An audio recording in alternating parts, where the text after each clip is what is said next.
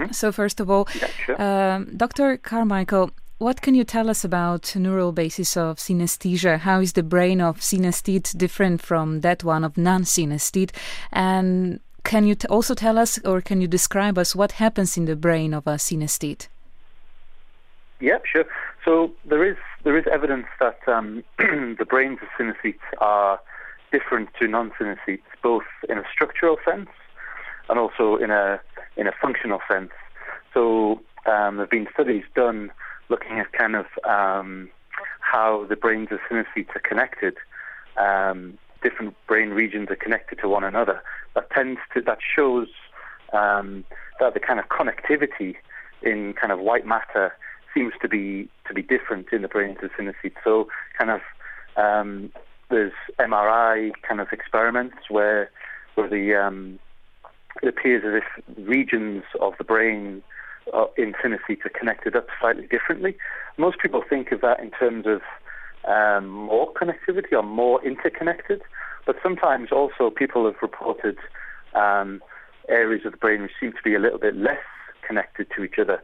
So um, it seems that definitely the connect- connectivity in the brains of synesthetes is, is different to non-synesthetes. Probably more interconnected, but also possibly a bit less connected in, in some areas as well. And also, um, there's evidence that um, there are other structural differences in, in the brains of synesthetes. So, for example, the, the thickness of the cortex. Some some uh, studies in Switzerland with Swiss researchers showed that um, the cortex in, in synesthetes is a little bit thicker in certain areas of the brain.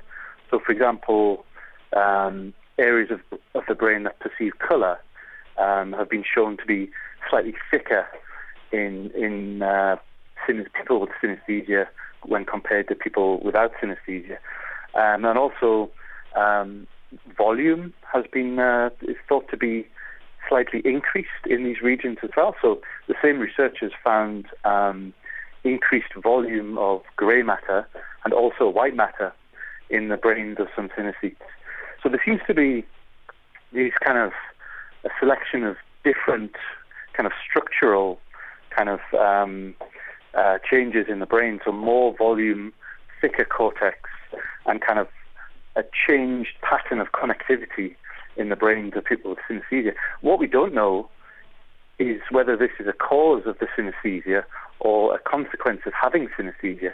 It's also possible that um, if you have synesthesia for many years, that you might have increased volume in certain areas because of the synesthesia. So it might not be only a cause of synesthesia, it might also be a consequence of having synesthesia. So those are the kind of um, structural changes we think um, are present in the brains of synesthetes. There's not lots and lots of, inf- of um, evidence for this. There is some, um, and it's still quite early days. There's still more research needs to be done to kind of give a more complete picture. But there certainly seems to be a reasonable case for, for saying that there are these structural differences. And also there's functional um, evidence to, to give us uh, clues about what happens in the brain of a synesthete when they're actually experiencing synesthesia. So functional MRI um, has been used to demonstrate that, um, for example, when someone who has grapheme color synesthesia, so they see letters or numbers in color, if they look at um, a, a, black number, for example, or a non-colored number in an MRI scanner, the, the part of their brain which perceives color becomes active.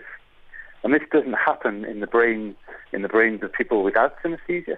So, for example, um, someone without synesthesia, if they look at a, a, a color, uh, sorry, a non-colored letter, that the area of the brain which perceives color doesn't become active. But with a synesthete, even though they aren't seeing color, they're experiencing color, and um, the part of their brain which perceives color becomes active, just as it would for someone. So essentially, what they, they're experiencing color, even though they're not seeing color. So there seems to be a kind of this kind of functional difference in that, uh, according to their brain, they're perceiving color in the same way that someone without synesthesia would perceive color as well. So there are these um, structural and functional differences which which seem to occur in the brains of synesthetes. And um, but as I say, I mean, there is some evidence, but we need to do more research to try and uncover exactly what's going on because it's still not well, we're not entirely sure what's happening, but those those kind of differences are, are kind of uh, have been reported in the literature and um, seem to be seem to exist. Mm-hmm. Oh, that's very interesting. And what is the percentage of people having synesthesia? And do normal people also experience some kind of uh, synesthesia as well? Yeah, so um, we think about probably four and a half percent of people in the population experience some form of synesthesia, um, and this seems to occur in not just in certain countries, but it's been reported in in the UK, in uh, Asia. It seems to be a global phenomenon, and the, the, kind of the research that we've done here in Edinburgh. Um, um, one of my colleagues did a prevalence study um, and reported, yeah, about four and a half percent of people have some form of synesthesia. One of the more common forms seems to be grapheme color synesthesia, so perceiving letters or numbers in color, and that's about um, sort of between one and two percent of the general population will have this form. And it, it, there is there is kind of synesthetic-like traits which which um, occur in the general population as well. It, so it, it, might be possible that the people who we think of as having synesthesia are really just one end of a scale, for example, or one end of a kind of spectrum, and maybe we all have similar similar kind of experiences, but on a very on a, a less strong scale. So I'll give you one example. Um, if you ask people to associate colours with musical tones or musical notes, most people will associate high notes with bright colours and associate low notes with dark colours. And there's no real reason why this should be the case, but most people do that. If you hear a high note, you will just you will kind of typically associate a bright colour with that note if you're asked to do so. And similarly, if you hear a low note, most people would choose a kind of um, a dark colour. And like I say, there's no reason why it should be that way around as opposed to the other way around. But most people would, would choose that. And this is kind of an example of um, a kind of cross-modal trait that seems to exist in the population at large or the population in general. So it's, it's maybe not quite synesthesia in the way we think of synesthesia, but it's, it's a similar or a related kind of um, experience. So maybe it's possible that synesthesia is just a kind of a continuum um, of, a, of a normal experience, and the people who we, we think of as having synesthesia are maybe just more extreme cases of what is quite a normal phenomena. But um, yes, it's, it's difficult to really say if, if it's a separate thing by itself. I mean, I think you know most people, or a lot of kind of behaviors, or a lot of kind of cognitive traits exist on a spectrum. You know, some people experience things more strongly than others. And I think there's certainly some truth in the idea that synesthesia exists along a certain a certain scale with with more people with smaller numbers of people having stronger experiences. Can synesthesia be inherited, and when does it normally appear in mm-hmm. one's life? Okay, yeah, it absolutely can be inherited. Um, so synesthesia is very a very kind of heritable condition. So we think approximately 40% of people with synesthesia have a close relative who also has synesthesia. Um, it, it, doesn't have to be the same type, it can be a different type. So it, it very definitely runs in families, but nobody knows which actual genes are responsible for synesthesia. But it, it, it definitely, well, we, we very strongly think that it runs, it runs in families. Um, it typically tends to emerge in early childhood. So when people are learning about language and about the kind of constructs of letters and numbers and this kind of thing, synesthesia tends to appear around around this time. And there are some researchers that think that that um, that think that everybody, in fact, is born a synesthete, and and we lose the capacity for synesthesia as as we go through childhood. I'm not sure. Nobody knows if that is true or not, but it's an interesting idea. But certainly, it tends to emerge in, in early childhood, um, and there's not a large amount of research being done on how synesthesia changes over the lifetime. That's one study that um, we're going to try and do in Edinburgh, actually, is, is, look at how synesthesia changes. There has been some research done on how synesthesia changes in childhood, and there seems to be um, a kind of it seems to kind of um, be most prevalent or most kind of common around the age of six or seven. And, and if you retest those children um, in the next couple of years as they get older, so say 10 and 11, already you can see the the prevalence of synesthesia becoming less. So already um, children, it, just in that kind of short time period between the ages of say six or seven to 10 and 11, already some of those children are becoming less synesthetic. Their synesthesia is becoming um, weaker, and I suspect this this kind of uh, continues across life. Uh, uh, there's not really much data or much evidence for this, but as, when I speak to people, I often hear um, when I speak to people who are older who have synesthesia, they often say or sometimes say that the synesthesia is less strong than it was when they were younger. Um, this could possibly be through uh, use usage.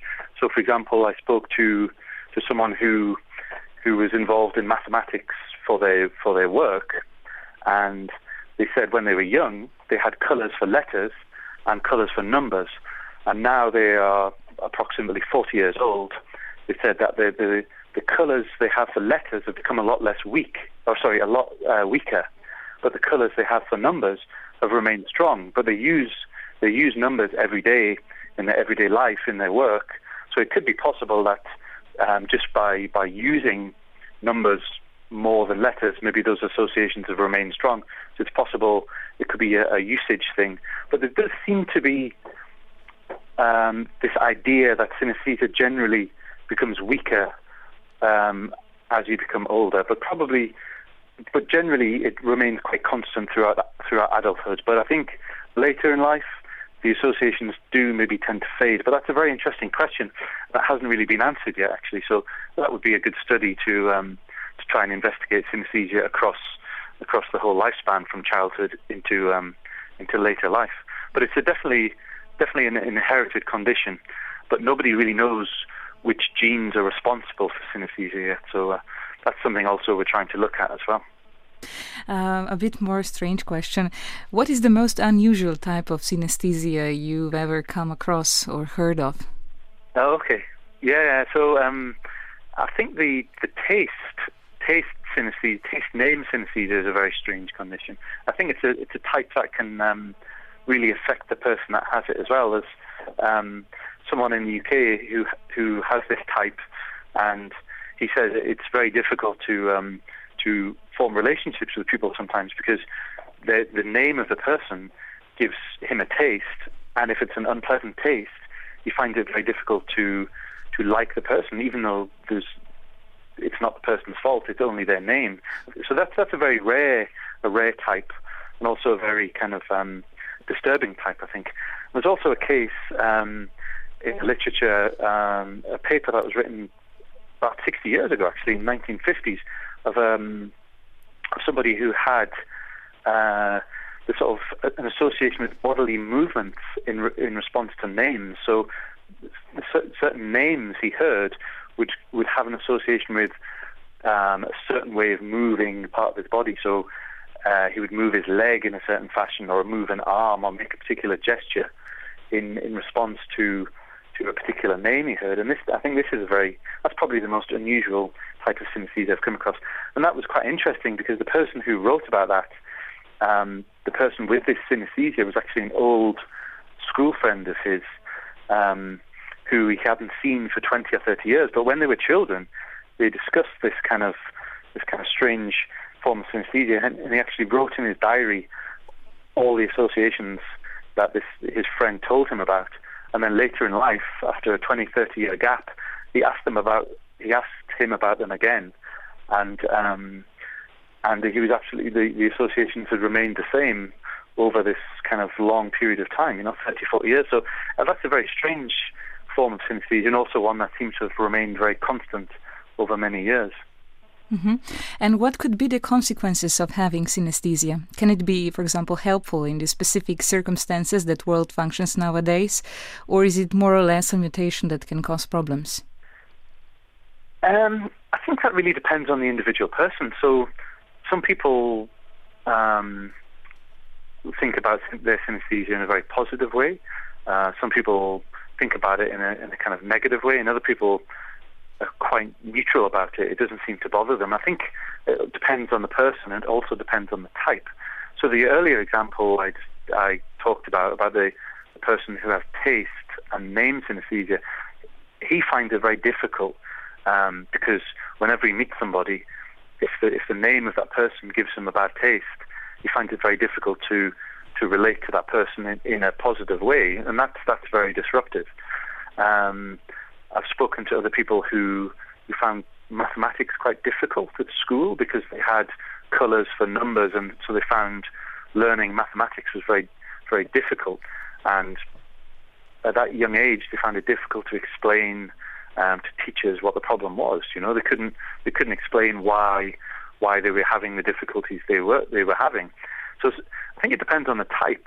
Um, some types are more are more kind of intrusive than others, and then sometimes it can also be a benefit as well. So, for example, um, someone who took part in one of our experiments, she has a piece of paper in her wallet with um, some colours on, and those colours represent the the number of her bank card.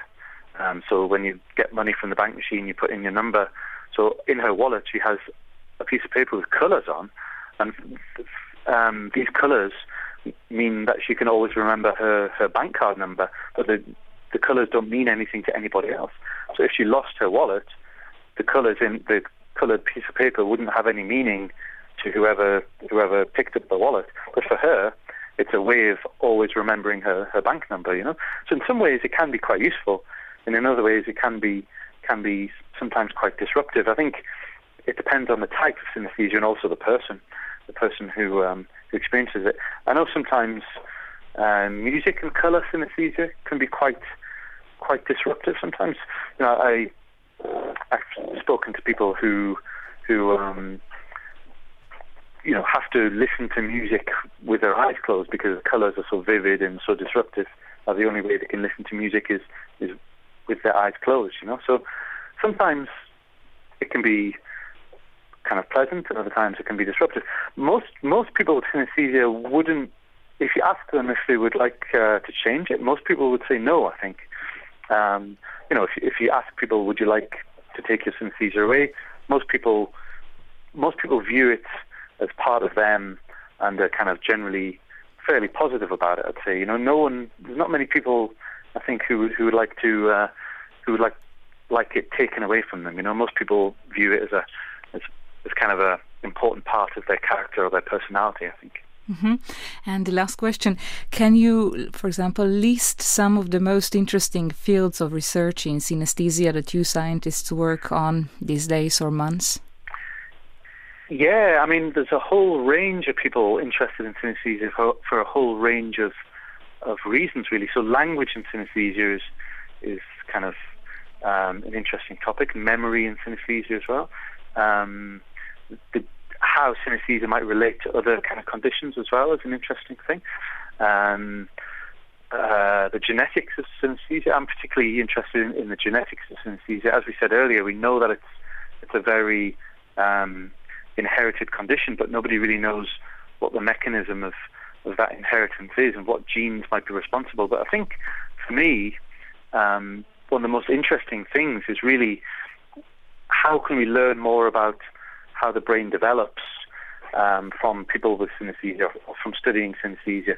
What can that tell us about the brain in general, in more general terms? So we know that it, we know that synesthesia tends to develop in early childhood, in early life, and there's large numbers of changes happening in the brain at this time. You know, there's a large number of connections being removed, and the brain is really developing into, you know, it's becoming specialized. The cortex is developing into kind of the specialized areas, you know, the language areas, the color areas, the visual areas. The brain is changing an awful amount, um, a large amount in this particular period of life. So how is it, or why is it that synesthesia arrives in some people uh, at this time in, in life, and and why does the synesthesia remain in some people, and why do some people lose it? And I think one of the most interesting questions is really what can this tell us about how the brain develops and what's happening in the brain at this time. I think I think we can learn an awful lot about, let's say, regular brain development from, from studying something that's quite unusual. And I think this, to me, that's one of the most interesting interesting questions. You know, um, so that's that's kind of uh, one of the things that I, I try to do with my research is is what can we learn about the brain in general by looking at kind of this very specific form of of um, of, of uh, phenomena, really. Mm-hmm, mm-hmm. Well, you open a lot of interesting questions, which hopefully will be answered in the future. Uh, Mr. Carmichael, yeah, thank you very much once again for this interview.